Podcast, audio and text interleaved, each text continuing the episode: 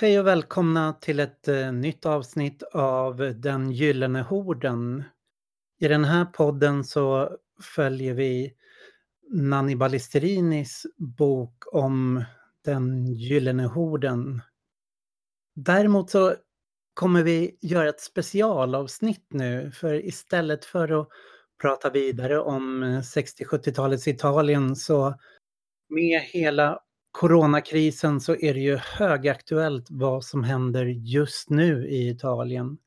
Då vill vi ha reda på lite vad är det som händer med corona, med lockdownen av hela Italien och eh, vad gör folk från de sociala centren? Vad gör fackföreningsrörelsen? Vad gör vänstern? Och därför har vi bjudit in eh, journalisten Julia Lindblom från tidningen Arbetaren som skriver mycket om Italien, en expert på Italien. Hej och välkommen Julia! Hej, väl, hej, hej! Kul att ha dig här. Och förutom mig, Mattias, som ska prata med dig så är det... Hej Tanja! Michele och Tanja. Jättebra. Kan du berätta lite Julia, för du har ju, när började du skriva om det här coronakrisen i Italien? Hur? Ja, jag har ju försökt följa det här äh, och också rapportera om äh, många av de strejker som har brutit ut i Italien äh, sedan den här krisen började. Man kan säga att det började med många spontana strejker på fabriker eftersom att många arbetare upplevde att man inte tagit säkerheten på allvar. Till exempel en av de första arbetskonflikterna var på Fiat Chryslers fabrik, FCAs fabrik utanför Neapel, där eh, det helt enkelt var en vild strejk som sen senare på eftermiddagen blev en facklig förhandling och sen resulterade i att man stängde ner den här, eh, eller att Fiat Chrysler stängde ner tre fabriker i landet och sen senare i hela Europa.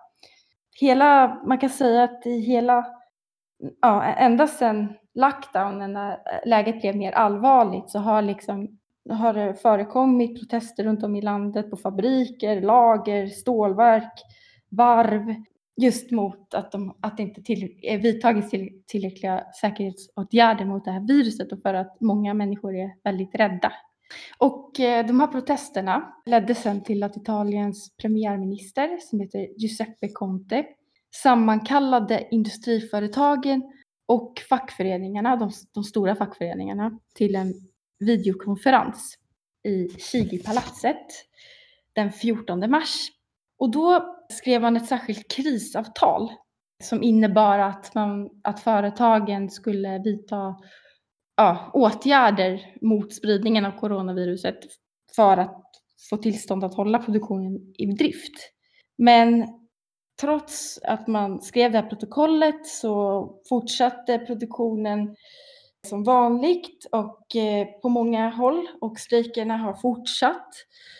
Bland annat så har hundratals arbetare på Amazon i Piacenza men också i, utanför Rom och utanför Turin gått ut i strejk. Nästan strejkat i två veckor. Och fortfarande pågår det strejker över hela landet, särskilt i norra Italien som också är den industrialiserade delen. Jag har ju vänner som är aktiva i, i Padua i bas, den basfackliga rörelsen där i en fackförening som heter ADL, eh, Föreningen för arbetarnas försvar som samlar flera basfack som Kobas och så. Och ja. jobbar mycket inom logistikbranschen och jag har ju förstått att där har liksom basfackföreningen väldigt hög organisationsgrad och de har jobbat mycket med de här frågorna för att det vissa stora arbetsplatser har, har det funnits rättigheter för som facken har sett till att upprätthålla men också att i vad man ska säga, de här logistikbranschen eh, där det kanske är, eller gigekonomin eller liksom mindre, där har det inte alls varit samma organisationsgrad där har det fått, eh, antingen har basfacken gått in eller så har det skett mer spontana protester. Precis. till exempel fackföreningarna ADL Kobas och SI Kobas organiserar tusentals arbetare inom logistiken. Och de har ju varit drivande i detta och också strejkat i flera veckor och ställt krav på att människor ska kunna vara hemma från jobbet med full ersättning. Eh, en så kallad reddito di quarantena eller en salario di quarantena. En karantänslön. Mm. Och de säger att det inte är en strejk i vanlig bemärkelse utan att pandemin är så allvarlig att säkerheten kan inte garanteras på arbetsplatserna och därför måste eh, produktionen enligt dem stängas ner och arbetarna kunna vara hemma med full ersättning. Hur mycket gensvar har de fått för de här kraven? För jag har förstått att en, van, en vanlig strejk i Italien, då är det ju ofta att man, man kör så här picket lines eller står utanför arbetsplatsen och försöker på olika sätt också både lämna fabriken men stå utanför och blockera. Men den här formen av strejk handlar ju om att folk har gått hem och liksom hållit sig hemma för att inte befinna sig för att de anser att arbetsplatsen är för osäker, för, för farlig att vistas på i smittspridningssynpunkt. Ja, verkligen. Det finns liksom inte strejkvakter på samma sätt utan det är, det är precis eh, så att folk, att, att folk stannat hemma. Alltså gensvaret, men dels så har man ju då gjort de här eh, avtalen eller säkerhetsprotokollen att, att det har blivit så pass många påtryckningar så att regeringen har tvingats agera. Men sen har detta inte efterföljts. Man sa att man skulle stänga ner all produktion som inte är eh, nödvändig. Men då är det fortfarande många som anser att det inte alls är så att endast den essentiella produktionen stängs ner. Jag hörde att, ja. förlåt, jag hörde i Lombardiet så hade de fått 24 000 eh, undantag, eh, bett om undantag och då betyder det eh, industrier som redan inte har koppling till matproduktion eller mm. nödvändiga så basal, basala varor och så. Så att utöver det så var det 24, 24 000 olika mindre eller ja, olika industrier som bad om att få undantag tillstånd för att fortsätta med produktionen.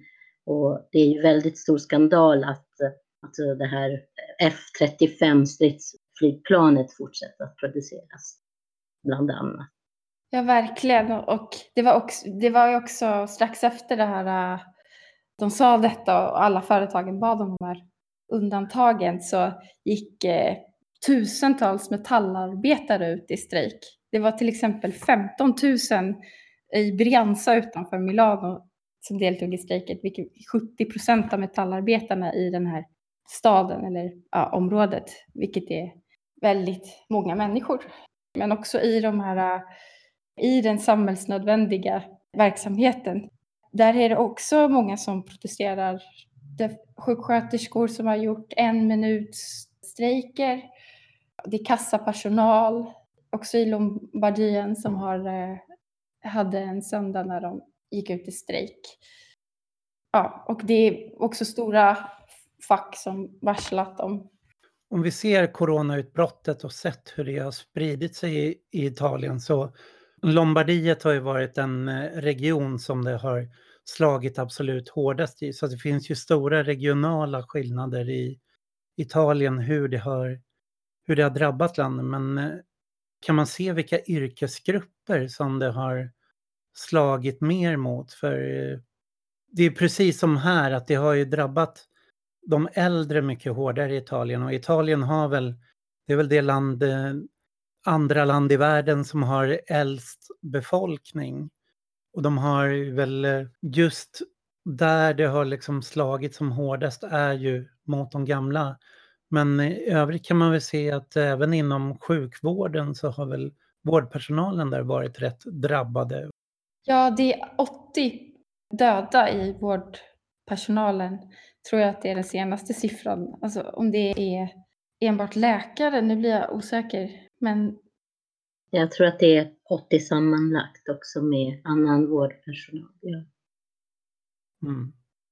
Men, men det är ju också så att nu börjar man ju höra, eller det rapporteras om att allt yngre blir svårt sjuka och såklart det hänger ju också ihop med hur eh, bristerna som nu blir synligare och synligare i eh, själva vården. Så att det inte finns tillräckligt mycket material och det finns inte tillräckligt många intensivvårdsplatser och så. Men att det är allt yngre som drabbas hårt och dör. Det är ju Mm. också skrämmande just om man hör utvecklingen och ja, det som rapporteras nu. Ja, och det har ju inte hunnit sprida sig på samma sätt i resten av landet. Alltså Lombardiet eh, i början på en slags epicentrum, men viruset sprider sig ju så vi har inte sett slutet på konsekvenserna i resten av landet så att säga. Mm. Och sen är det en fråga om uthållighet. När det pågår länge så tar material slut, man blir utarbetad, personal blir utarbetad och kapaciteten försämras. Har ni hört någonting eh, med folk hur de lever i karantänen? Jag följer ju främst mina vänner på eh, Facebook och jag har liksom ser ju hur de, de har slagit på sina Facebook-kameror eh, och livesänder från sina vardagsrum. Att folk är, är isolerade i sina hem på det sättet. De jag har chattat med, de har berättat ju att det är, de har tillstånd, de måste gå ut och visa som ett lokalt pass i sina kvarter för att få gå och handla eller bara liksom ta en kortare promenad i kvarteret. Men annars så är det ju polisiär och militär patrullering i gatorna. Att man, man ska hålla sig inne. Vad har ni hört från era? Jag kan berätta, min, min mamma, hon är, ju, hon är ju i riskgruppen och lever ensam i en grannby gentemot resten av vår släkt och familj. Så hon är helt ensam, helt isolerad, eh, går ut med hunden och går och handlar själv. Men för no förra veckan så, sa hon, så var hon så här, ja men det var riktigt, ja, hon grät och sa, jag är rädd för att gå ut, jag vill inte bli stoppad av polisen fyra gånger för att jag ska gå och handla bröd. Jag vill inte se dem, de är så eh, påträngande och de är så obehagliga så jag, jag vill inte. Och det kan jag tänka mig är en upplevelse som många i hennes generation upplever. Och de, de har ju varit aktiva under 60 och 70-talet. Att det också återkallar minnen av en polis som är väldigt våldsam och väldigt påstridig. Så att rädslan, den finns. Människor är rädda mer av nästan för undantagstillståndet, för pandemin känns det som ibland, i det här, i det här vardagliga. Jag har släktingar i, i Bergamo.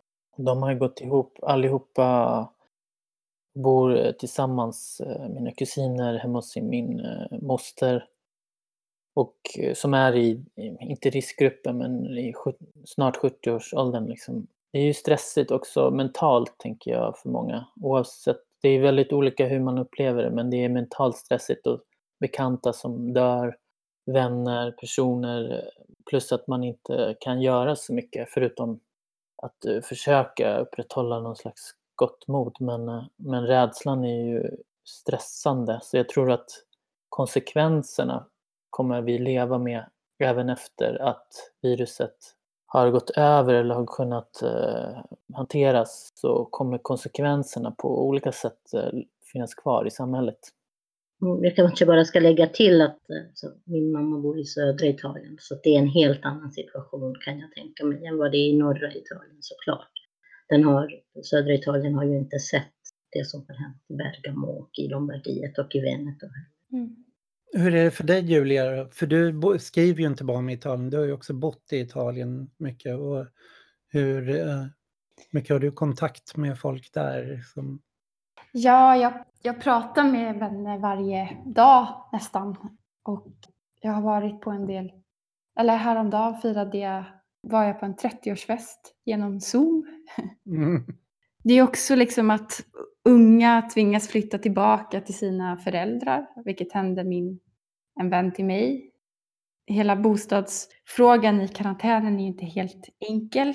Om man ser på ett större plan så är det ju, vilket vi säkert också kommer, eller ser överallt, jag menar, människor, att våld kan öka i nära relationer i en karantänssituation och kvinnojourer får det svårt att verka när det är en sån här situation. Men generellt, mina kompisar, de, ja det är väldigt, mycket sociala medier, det, men det tycker jag vi märker också här i Sverige, liksom att Mm. överlag att alla är uppkopplade. Men du kan ju få 4 000 kronor i böter om du bryter mot utegångsförbudet i Italien. Jag hörde en fördom som eh, var tidigt mot Italien. Det var ju så här att eh, ja, men när man förberedde den här lockdownen för att eh, italienarna skulle hålla sig inomhus, vad gjorde alla? Jo, de flyttade från Lombardiet, de flyttade från Milano och drog över hela landet så här, och spred ut sig. Men då har man ju också missat en sak med Italien. Det är ju att många av de här stora städerna, universitetsstäderna, där kommer ju folk så är det i Sverige också, men i ännu högre grad i Italien. Att folk kommer från hela landet, studerar, man bor inhyrd i en bostad där. Men man är ju skriven hemma hos sina föräldrar i Mm. liksom en mindre stad eller på landsbygden. Om man får som... Det var, det var så e- effektivt under Berlusconi till exempel. Där, under de åren på 00-talet så åkte ju nästan inga aktivister in i fängelse. För Berlusconi hade ju stoppat alla rättsprocesser för att själv inte kunna fällas. Så istället så man polisanmälde aktivister och tvingade dem att gå och liksom rapportera dagligen eller varje vecka till Gestora, till liksom polisstationen i orten man var skriven. Och i och med att folk var aktiva i studentmiljöer i de stora städerna fick de ju flytta hem till sin lilla stad och bo hos mamma och liksom gå, gå till polisstationen där och så slog man ut aktivister på det sättet. Och nu har ju liksom hela studentrörelserna blivit så skingrade för vinden då på samma sätt. Man flyttar hem till föräldrarna. Det är ju, inte, det är ju många som också så här hade sådana, ja, men, jobbade på pizzeria eller som eh, körde runt mat och, och sånt. Eh, och som när man inte längre kan göra det, inte har pengar för att kunna leva kvar i Milano eller i de stora städerna och är tvungna att flytta hem igen. Det, och, det, och, det, och då är det inte bara studenter. Väldigt många som kommer från till exempel Syditalien och som lever på prekariat, ett prekärt sätt som är tvungna att flytta hem. För de har inga andra möjligheter. De kan inte betala hyran om de inte har ett jobb och de kan inte köpa mat om de inte har ett jobb. Nej, precis. Hur ser det ut inom eh, vänstern och inom de sociala centren då? För att jag tänker det givna med katastrofer eller med politiska händelser har ju alltid varit, speciellt i Italien, man lever ute på gatan, man lever på torgen och man lever i sina sociala center och man är väldigt social på det sättet. Och att händer någonting så kommer man direkt samman. Då drar man direkt ut på torget eller direkt sociala centret och möts för att liksom snacka igenom vad man kan göra. Och nu är det det som man inte kan göra. Man kan inte komma samman. Så hur eh, organiserar sig den radikala vänstern och hur går diskussionerna? Så jag skulle säga att det överlag pågår en politisering av coronakrisen eh, och många politiska diskussioner om vad som ska hända sen och, och många formulerar krav, alltifrån liksom rätten till en eh, karantänslön men också det som komma skall när ingenting blir sig likt.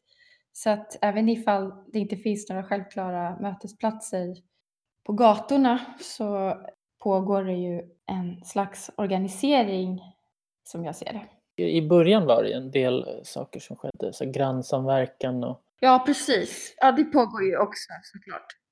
Till exempel stödlinjer, psykolog, alltså det finns väldigt många sådana här äh, sätt, ja, stödjourer för folk som har, behöver någon att prata med eller kvinnojourer som upprättar stödlinjer. Det är väldigt många som handlar, precis som vi ser i Sverige, där folk hjälps åt att handla till riskgrupper, så är det samma slags grannsamverkan i Italien. Du kan också få ett särskilt tillstånd så att du kan eh, arbeta volontärt eh, med att handla och inte behöva trotsa någon riskera att bryta mot karantänen. Hur var det med 8 mars? Han eh, man hålla 8 mars-manifestationerna innan lockdownen eller ställdes det in? Det ställdes in. Det var en flashmob i Rom det var ju väldigt tidigt i lockdownen. Så att nu har jag svårt att se en flashmob. Eller, ja. men, eh, men det var också Nonno Nadimeno di Meno som är det feministiska eh, nätverket i Italien. Inte en färre. De uppmanade ju också folk att stanna hemma och eh, visa omsorg om varandra. Och jag vet att i Venedig satt, så satte man upp många affischer på fasaderna. Och... Jag såg de hade videokonferenser nu där eh, Greta Thunberg pratade för dem på Fridays for Future. Liksom, så att de även, klimatdemonstrationerna har ju ställts in men att organiseringen fortsätter och hon hade ett specialmöte för italienarna om det var igår, fredagen, när hon pratade för dem. Ja, just det. Jag kan säga att ett annat sätt som jag har sett i, i mina kretsar då, det är att man till exempel har börjat göra, köra radio. Även, det finns ju eh, vissa, många historiska radiostationer i Italien. Radio Sherwood, Radio eh, Blackout och så vidare. Men det finns ju så många, så många mer gräsrotsrörelser. Och det är flera som har börjat köra egna radioprogram och Eh, pratar om allt högt och lågt och försöker få kontakt och ringer upp vänner så att de får prata och vara med i programmet. Så att man försöker bibehålla nätverken och få kamrater känner sig centrala i de nätverken. Även om de kanske inte alltid har haft en central roll i den eh, politiska organiseringen. Att, att den, I den här stunden så försöker man samla in alla krafter för att alla ska känna sig viktiga och innefattade i, i kollektiven eller i de olika föreningarna. Just det. Jag var också med i ett radioprogram i Milano, en karantänsradio, som den dagen hade temat feministiska strategier. Ja, precis. Så är det verkligen. Så radiorna och sociala medierna har liksom fått bli centrala kommunikationsnoder igen. Jag har också sett en eh, frivilligbrigader kring sjukvården att de har organiserat från eh, gamla sociala centeraktivister. Bland annat i Milano har man bildat sådana frivilligbrigader där man har på olika sätt samlat in hjälputrustning och liksom försökt stödja vården på de sätt man har kunnat. Ja. Har inte facken gått in också med Sikobas och med pengar för att köpa in utrustning? Och... Jag måste säga att där har det till och med funnits små företagare som har omkonverterat sina fabriker. Jag vet, I södra Italien finns det väldigt mycket textilproduktion och sy, slöj, ja, men, syverksamheter. Och, många har ju konverterat dem för att sy munskydd. Mm. På initiativ av både företagare och arbetare. Så det, det, det händer spännande saker också. En bredare nivå tänker jag är ett sånt specialläge som ja, undantagsläge som, som gör att utöver det här nationalpatriotiska som sker så sker det också på social nivå så, så agerar folk. Man, man, får en bred, man får en känsla att man tillhör något bredare och inte alltid är det nationen som är det bredare. Det, ibland kan det också vara folket i en positiv bemärkelse. Mm. Och det verkar ju också vitaliserat den politiska diskussionen även inom, man ska teoretiska kretsarna. Jag följer ju så här Euronomader som är en sajt där eh, Tony Negri och ah, hans gäng skriver och där är ju dagliga texter och en rad andra så här Dynamo Press eh, publicerar ju mycket material från, från Rom och den här författar kollektivet Woming har ju en dagbok från Bologna. Har inte du följt den, Tanja? Jo, inte, inte så mycket som jag hade velat, för det, det blir ju så här oändligt långa debatter i, under deras dagbokinlägg. Men de fokuserar ju väldigt mycket på utegångsförbudet. Det är ju lite där, om det här är det enda sättet att agera, om det finns andra sätt att hantera pandemin. Men det är ju ändå väldigt spännande debatt som skapas och just nu har de ju en jätterik tråd som försöker undersöka vad som händer runt om i världen. Mm. Det, brukar ju alltid vara en väldigt hög nivå i deras forum. Så. Men som sagt, det rör sig väldigt mycket just nu om Är det här sättet det rätta sättet att hantera problemet? Är det att sätta alla rättigheter på under lock som är det som fungerar? Är det det vi ska se fram emot eller är det, mm. är det det vi ska hoppas att ska hända överallt? Hur ska vi se på det här? Och vad betyder det?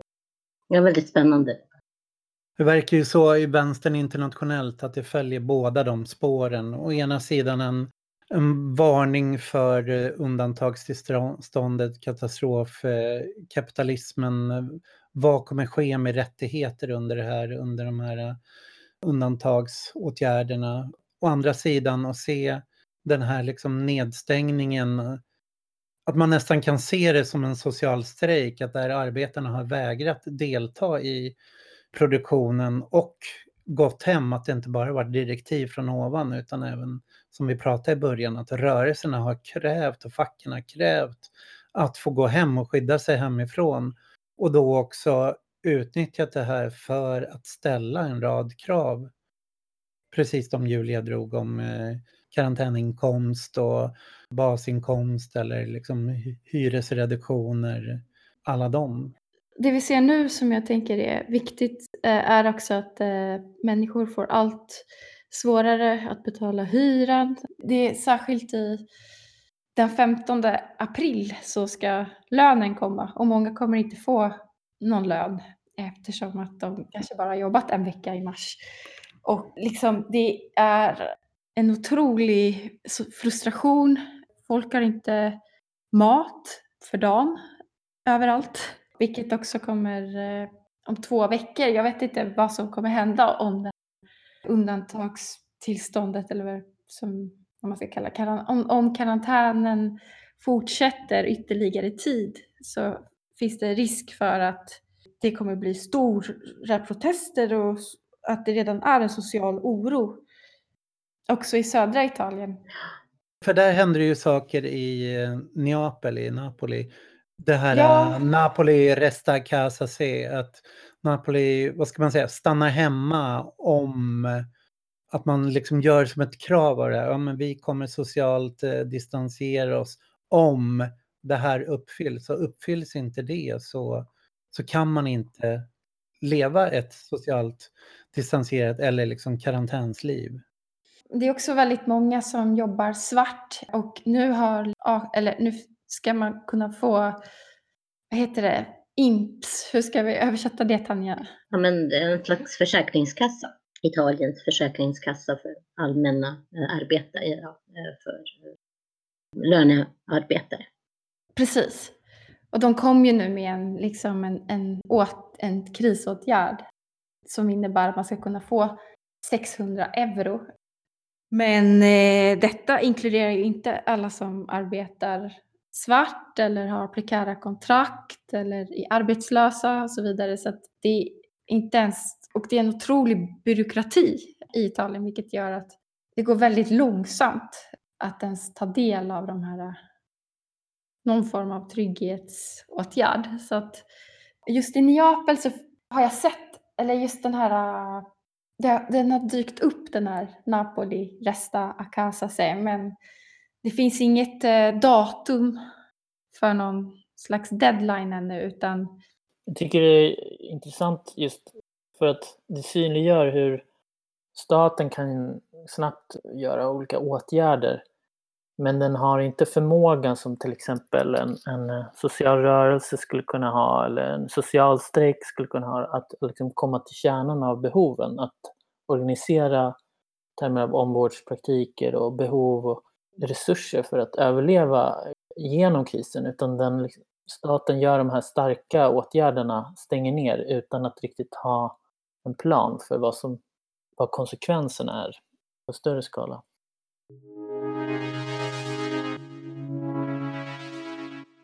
Finns det några så italienska tecken på att de eh, kommer köra såna helikopterpengar, det vill säga att man bara sätter in engångssummor. Det blir inte en garanterad basinkomst utan så här, varsågod, här får ni 10 000 eller för bara rulla de här problemen på framtiden just nu. Italien har så stor statsskuld. Det är svårt för dem att låna också på en internationell marknad för att göra en sån omfattande finansiering. Till skillnad från Tyskland till exempel så har ett kapital och kan Mm. enkelt göra sådana typer av utdelningar för vissa sektorer. Det diskuteras ju om en slags karantänslön. Jag tänker, Femstjärnepartiet har ju lagt fram det förslaget att förvandla den här reddito di cittadinanza, medborgarlönen, som de ändå har skapat, till en karantänslön. Men det är ju det är svårt att se att det, hur det ska gå till. Det är sant. Men det diskuteras ju. Så att, det måste man ju säga. Mm. Och måste säga också att, att de tar ju fighten på, med EU om just att få lån, att få vissa möjligheter. För att eh, det, det är ju en stor risk att det blir revolter och de är väldigt rädda för vad som kan ske i vissa områden där maffian fortfarande har stor makt. Och att de ska kunna leda revolter, det är det som framgår om man läser italienska nyheter och så. Eh, sen vet jag inte hur reell den risken är, men det är lite en farhåga som lyfts jämna mellanrum i de, de här dagarna. Mm.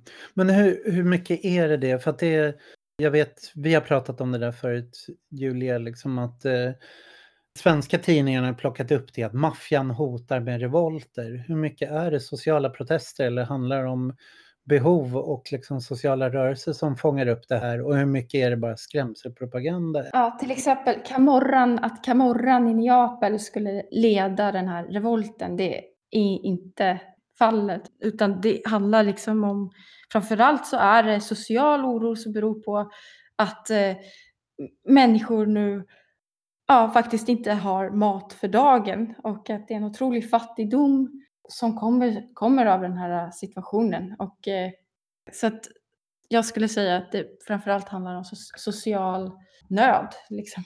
Och eh, inte att maffian skulle leda dessa revolter.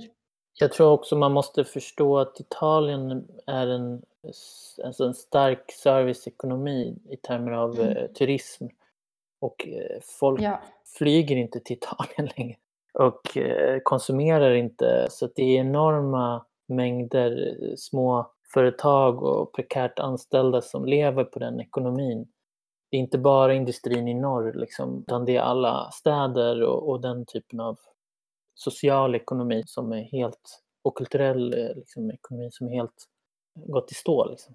Som en del av den där diskussionen, eh, eller som svensk media plockat upp att det skulle vara maffian bakom revolter så har de ju även sagt att det är maffian bakom fängelseprotesterna som har varit fängelseupproren. Att, att det har varit bland annat för att utnyttja, för att få ut sina medlemmar. Men det där är ju också bol. Liksom. Julia, kan inte du berätta lite mer? Vad är det här, de här fångupproren som skedde? ja, det har ju varit i, inte enbart i Italien utan på många platser eh, där, där i fängelser när viruset eh, blir så pass, eh, vad ska man säga, utbrett. Många blir, det är självklart att en rädsla sprider sig också på fängelser. Och eh, förhållandena i de italienska fängelserna har ju, har ju också kritiserats av människorättsorganisationer. Alltså det finns, eh, de är otroligt överbelamrade och särskilt eh, nu mer än någonsin.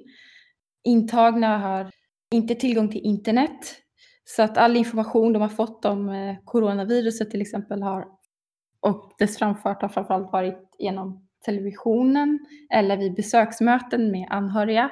Och nu så har, får man inte längre träffa anhöriga. Och så är det ju också i, i Sverige att, alla, att det är besöksförbud på fängelser. Så att det gör ju också att det är en otrolig rädsla och de här revolterna handlar ju också om, och upploppen, att den här situationen är allvarlig. Och på italienska fängelser så är heller inte Många är också rädda för att bli övergivna. Så, så har det varit när jag till exempel intervjuat en organisation som heter Antigone som arbetar för fångars rättigheter. Men det har ju varit jättestora upplopp och många döda, 13 personer. 14. 14! Ja. Och stora, många anhöriga har också protesterat utanför fängelserna.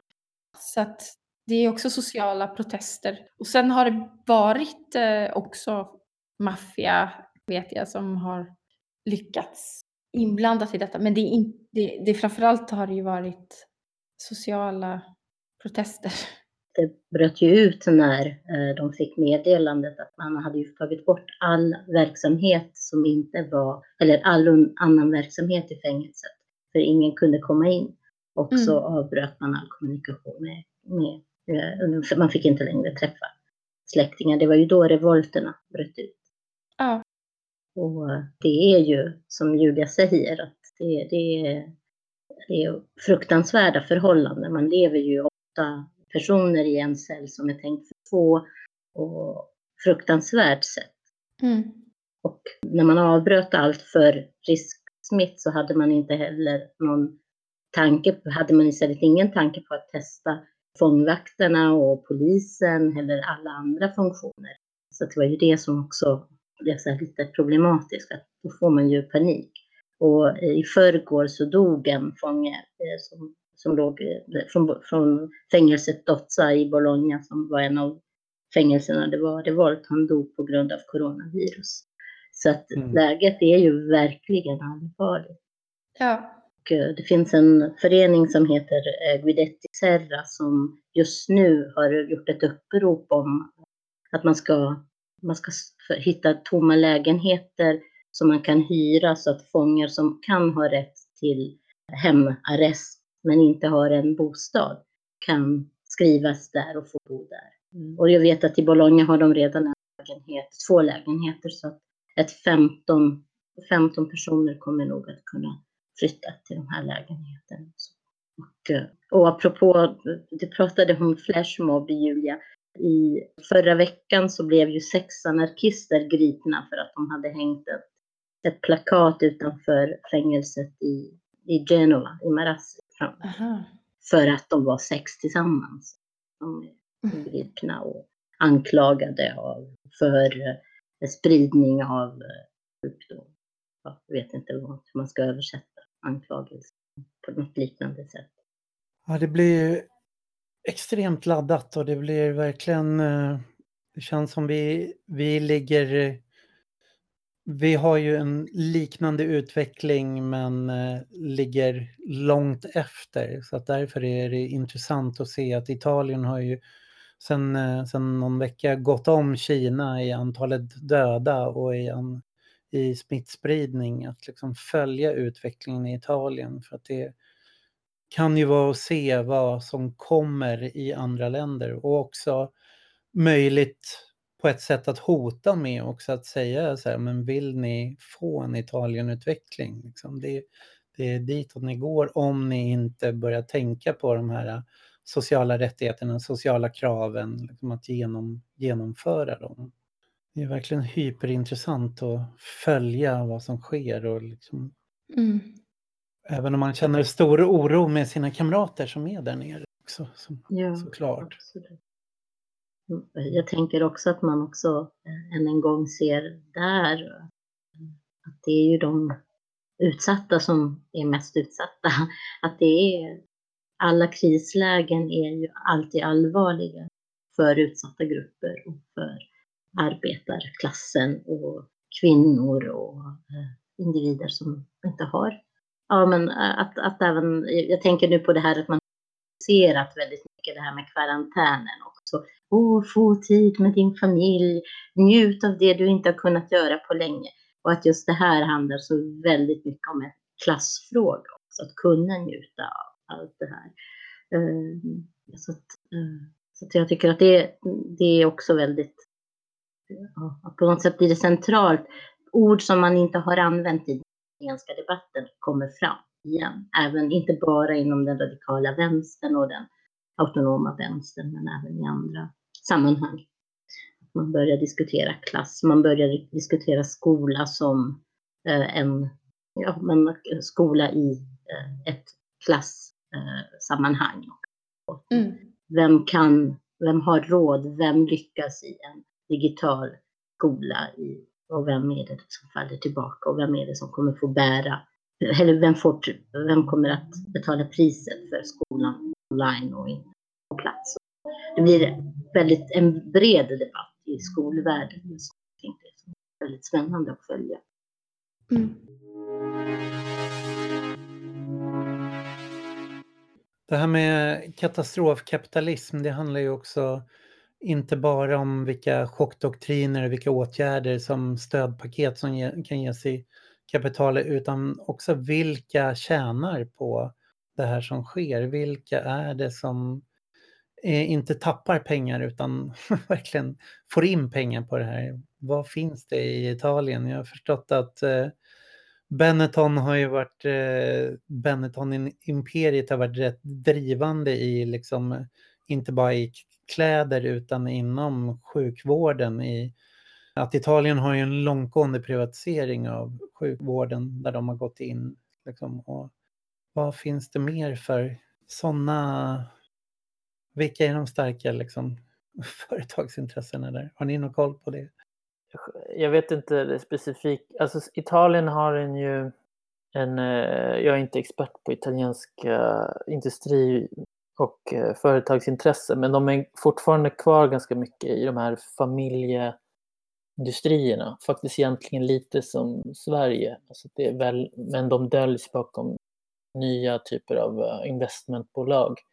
Men generellt är det liksom fortfarande stora starka familjer och det är klart att de har säkert i ganska tidigt skede konsoliderat sina kapitalinvesteringar för att skydda dem utifrån en, en förändrad liksom, produktions och så vidare. Så de kommer, liksom, det kommer inte gå någon nöd även om de ser försämringar i, i aktiemarknader och aktiepunkter.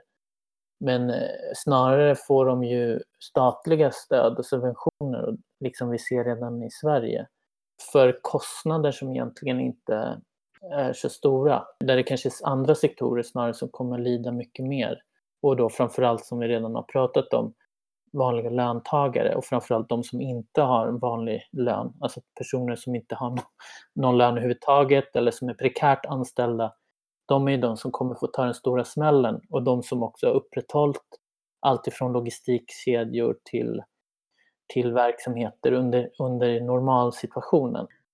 Jag tänker jordbruket i södra Italien. Det är ja. ingen som plockar, ingen som... Och det är, och det är ju framförallt då, eh, dagsarbetare som, ja. som håller igång hela jordbruksekonomin i söder. Så för många kapitalister är det ju som en paus i omsättningen, men de har ju kvar produktionsmedel, de har kvar sitt kapital investerat i, i liksom dött kapital så att säga och det försvinner inte. Det, om några månader eller år, något år så kan de sätta igång det. Däremot så är det levande kapitalet det som straffas här mest.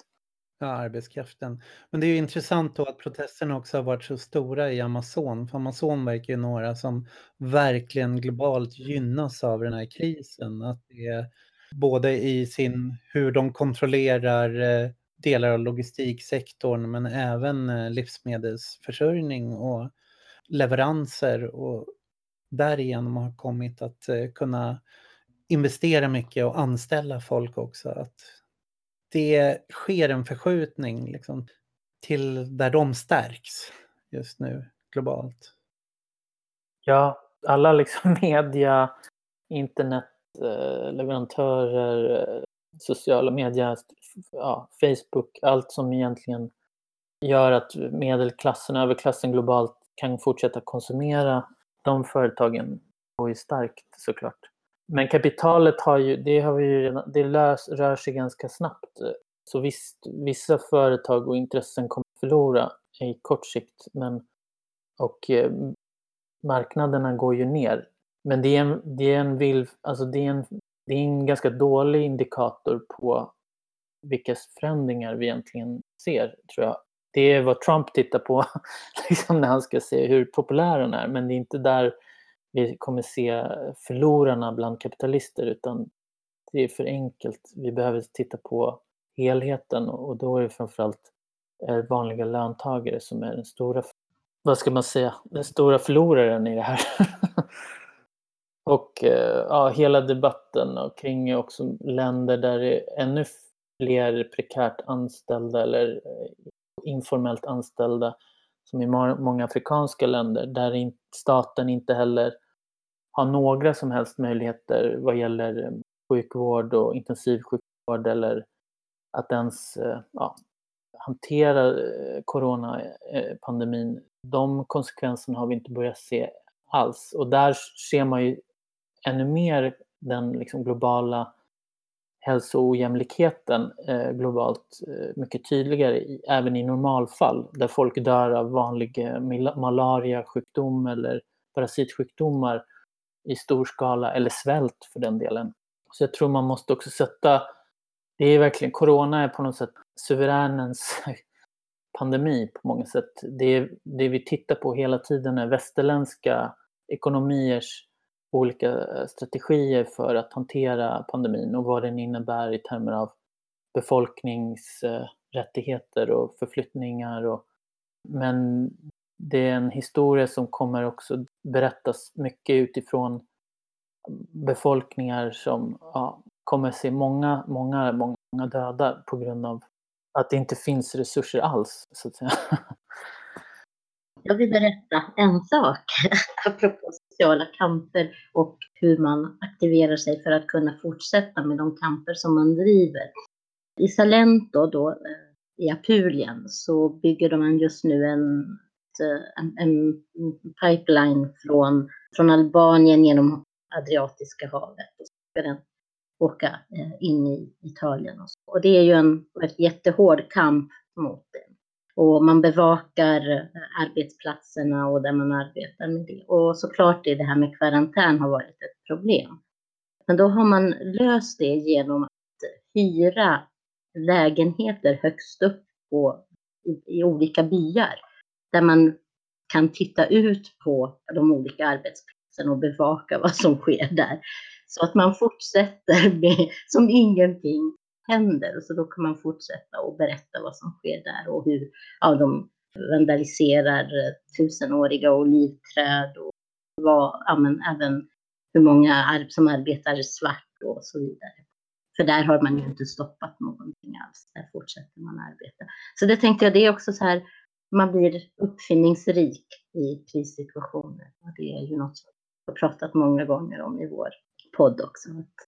Så jag tyckte att det var att det var spännande att höra hur de hade organiserat om där, vilka strategier de hade gripit till för att kunna fortsätta sin, sin bevakning. Det finns ju också något hoppfullt i att, jag menar, vi har levt sedan eh, många år i den här eh, i historiens slut, eh, liksom apatin rent globalt politiskt.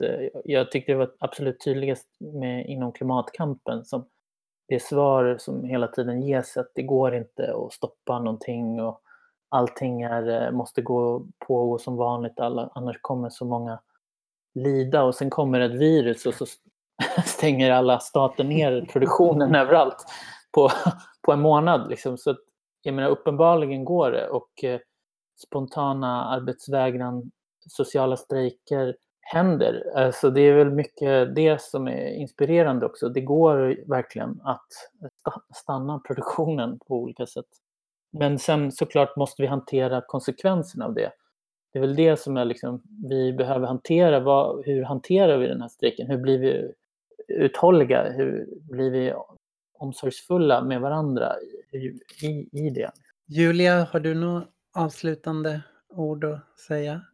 Nej, jag tycker eh, att det är eller att eh, ni ska följa, fortsätta följa utvecklingen i Italien och också de här eh, arbetarprotesterna som pågår.